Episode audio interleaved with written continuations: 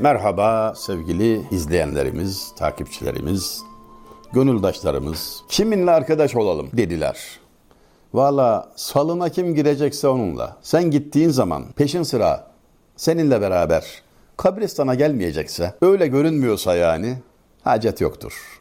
Dostluğundan da bir hayır çıkmaz. Çok iyi tanıdığım bir üst düzey bürokrat vardı. Hayli üst düzey bürokrat. Babasının cenazesinde iğne atsanız yere düşmezdi. Kendi cenazesinde tek tük 3-5 kişi bulundu. Tabii öldü ya artık. Artık ondan beklenen bir şey yok ya. bu kadar vefasızlık, bu kadar samimiyetsiz sözde dostluk düşman başına. İnsan hayatında bu seçimi doğru yapmalı. Kim salına girecekse onunla ahbaplık kurmalı. Değildir zata mail halk, malü cahadır rağbet, Draht etrafına kimse dolaşmaz bağırdan sonra. Gelir şevke kesel neyli, visali yardan sonra. Olur arız giranlık saime iftardan sonra. Konuyla ilgili iki beyti Nabi'den arz ettim. Şimdi de izahına girişelim inşallah. Önce son okuduğum beyti söyleyeyim. Son okuduğum beyt Gazelin de ilk beytidir. Sonra redifli, çok yakışıklı bir gazel. Nabi gazeli. Nabi mektep adamdır ha. Mektep adamdır ve selam. O kadar yani. O kadar. İşini, gücünü bırakıp adam yani şiir zevkini tatmin için Nabi ile meşgul olmaya karar verse şöyle uzunca bir ömür yetmez. Doyurucudur. Biraz Türkçesinden dolayı yorucu, tamam yorucu yani olsun. Bu sayede lügat karıştırmak, lisanın zevkine varmak da az şey değildir doğrusu. Şöyle söyledi. İlk beyt şu idi. Gelir şevke kesel neyli visali yardan sonra olur arız giranlık saime iftardan sonra kavuştuktan sonra diyor şevk de azalır diyor. O iştah kalmaz diyor. Nasıl ki iftara kadar ekmek gözünde hayal hayal tüten adam, fırının önünden geçerken başı dönen adam, doyduktan sonra şöyle bir ağırlık gelir ya üzerine. Neyli visale yardan sonra, olur arız giranlık, saime oruçluya iftardan sonra. Kavuşunca diyor arzu ve iştiyakta kalmaz. Ama diğer beyitte asıl konumuzla ilgili olan orada da şöyle söylüyor. Değildir zatama il halk, malü cahadır rağbet, draft etrafına kimse dolaşmaz bardan sonra.'' Sana iltifat edenler, etrafında dolaşanlar, seninle dostluk edenler kara kaşına kara gözüne hayran değil. Senin için değil, zatın için değil yani. Ya mala ya makamadır o rağbet. Ağaca bak da ibret al.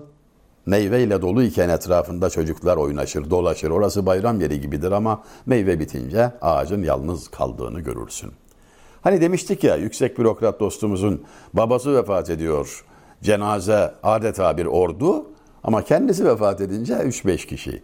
Yani dost seçerken, dostluk kurarken dikkate alınması gereken bir şey. Bizim oralarda bir söz vardır. Seninle ben pazara kadar değil mezara kadar dostum filan derler. Tabi kalıcı dostluk mezardan da sonrası içindir. Nihayet sonsuz hayat için geldik. Bu dünyada geçecek 3-5 güne göre yatırım yapmak akıl kârı değil.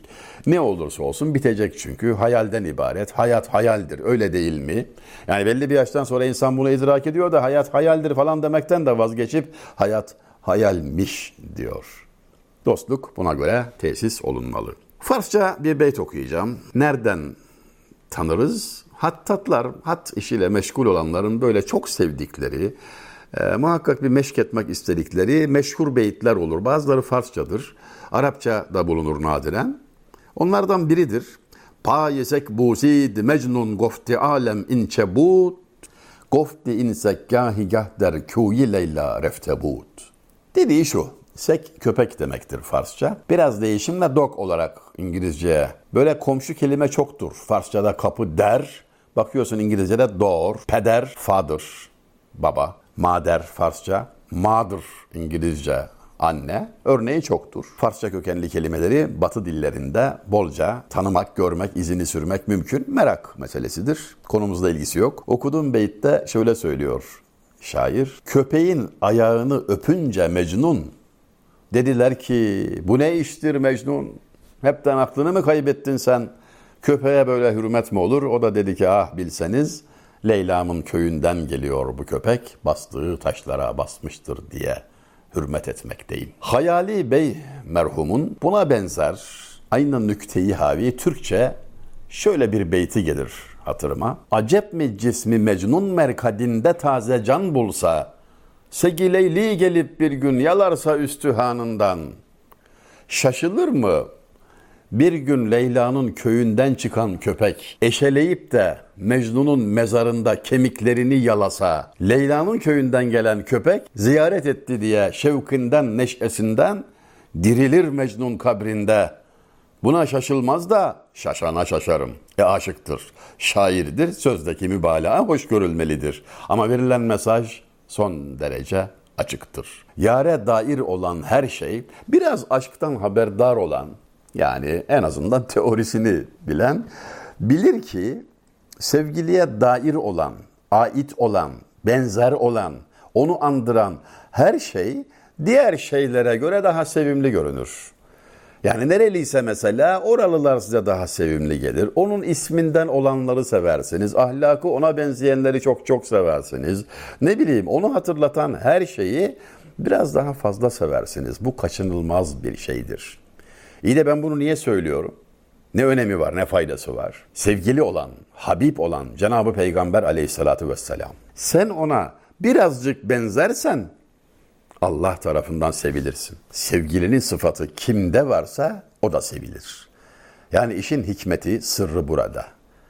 İnsan ona benzemeli ki sevilsin. Bana uyun Hak Teala sizden razı olsun. Allah sizi sevsin dedi. İki cihan server aleyhissalatü vesselam. Ona benzemenin zerresi cennet nimetlerinden üstündür. Fuzuli su kasidesinde dedi ki 32 beytten birini söylüyorum. Men lebin müştakı yanzı hadı kevser talibi. Nitekim mestemeyi içmek hoş gelir hoş yare su. Ya Resulallah ben senin sözlerine aşığım. İştiyakım onadır. Seni dinlemek, sana uymak, sana benzemeye çalışmaktır benim muradım. Kevser isteyene sözüm yok, afiyet olsun. Ama benim talip olduğum nimet Kevser'den de üstün ve lezzetlidir diyor ki çok doğru söylüyor. Ona uymak cennet nimetlerinin fevkindedir, üstündedir. Ona uymanın zerresi cennetlerden üstün. Bir Allah dostu şöyle söyledi. Cennet nimetlerinden üstün tutarım iki rekat namazı. Çünkü cennetin nimetleri benim için namaz Allah içindir. İşte ona olan kulluğun lezzetine bu derecede vukuf kesbedince, kazanınca rızayı ilahiye de kavuşulmuş oluyor. Rıza o demek zaten. Ne verirse ona razı olmak, ondan gelenin ne olduğuna bile değil, gönderen o olduğu için muhabbetle bakmak, sevmek, kahrın da hoş, lütfun da hoş demek, diyebilmek, kalben bunu özümseyebilmekdir mesele. Hani bu kelimenin belki burada yakışmadığını düşüneceksiniz ama yani ağır kelimeler kullanınca da anlaşmak zorlaşıyor. Türkçemiz zayıfladı ya efendim. İki lafı bir araya getiremiyoruz yani. Her şeyi tercüme etmek ihtiyacı var. Ne yapalım? Bu da bizim sıkıntımız. Bu da bizim derdimiz. Gittiğim zaman şair üstadlara bunu ayrı ayrı söyleyeceğim. Elinizde muazzam bir lisan vardı. İstediğiniz gibi yazdınız, çizdiniz tabii ama bizim başımıza neler geldi haberiniz yok filan diyerek şekva edeceğim. Onlarla sohbet fırsatını bulduğumda. Necip Fazıl Kısa Kürek merhumun hocası olan Abdülhakim Arvasi Hazretlerinin, hocası olan Seyyid Fehim Arvasi Hazretleri, hocası olan Taha-i Hakkari Hazretlerine ziyaretinde. 3-5 talebeyle birlikte gitmişler. Taha-i Hakkari Hazretlerini ziyaret ediyorlar. Genç talebeler henüz. Her biri bir hediye getirmiş. Hani dedik ya bir önceki videomuzda eli boş gidilmez gidilen yere. Boş gelmedim ya Rab ben suç getirdim. Taha-i Hakkari Hazretleri nükte yapmış. Cilve yapmış. Bakmış ki Seyyid Fehim eli boş gelmiş. Sen bir şey getirmedin mi Fehim? Senin hediyen yok mu? Cevap şu Farsça beyittir. Bugün iki, iki Farsça beyit olmuş oldu. Hoş görün lütfen. Seyyid Fehim Arvasi Hazretleri diyor ki Çar çiz averde emşaha ki der genci tunist Nistivü hacetü özrü günah averde em. Efendim diyor, size hediye olarak diyor, öyle şeyler getirdim ki hazinenizde asla yok. Sizde bulunmayan şeyler getirdim diyor. Nedir onlar? Dört hediye. Yokluk, ihtiyaç, kabahat, günah. Ben de bunlar var.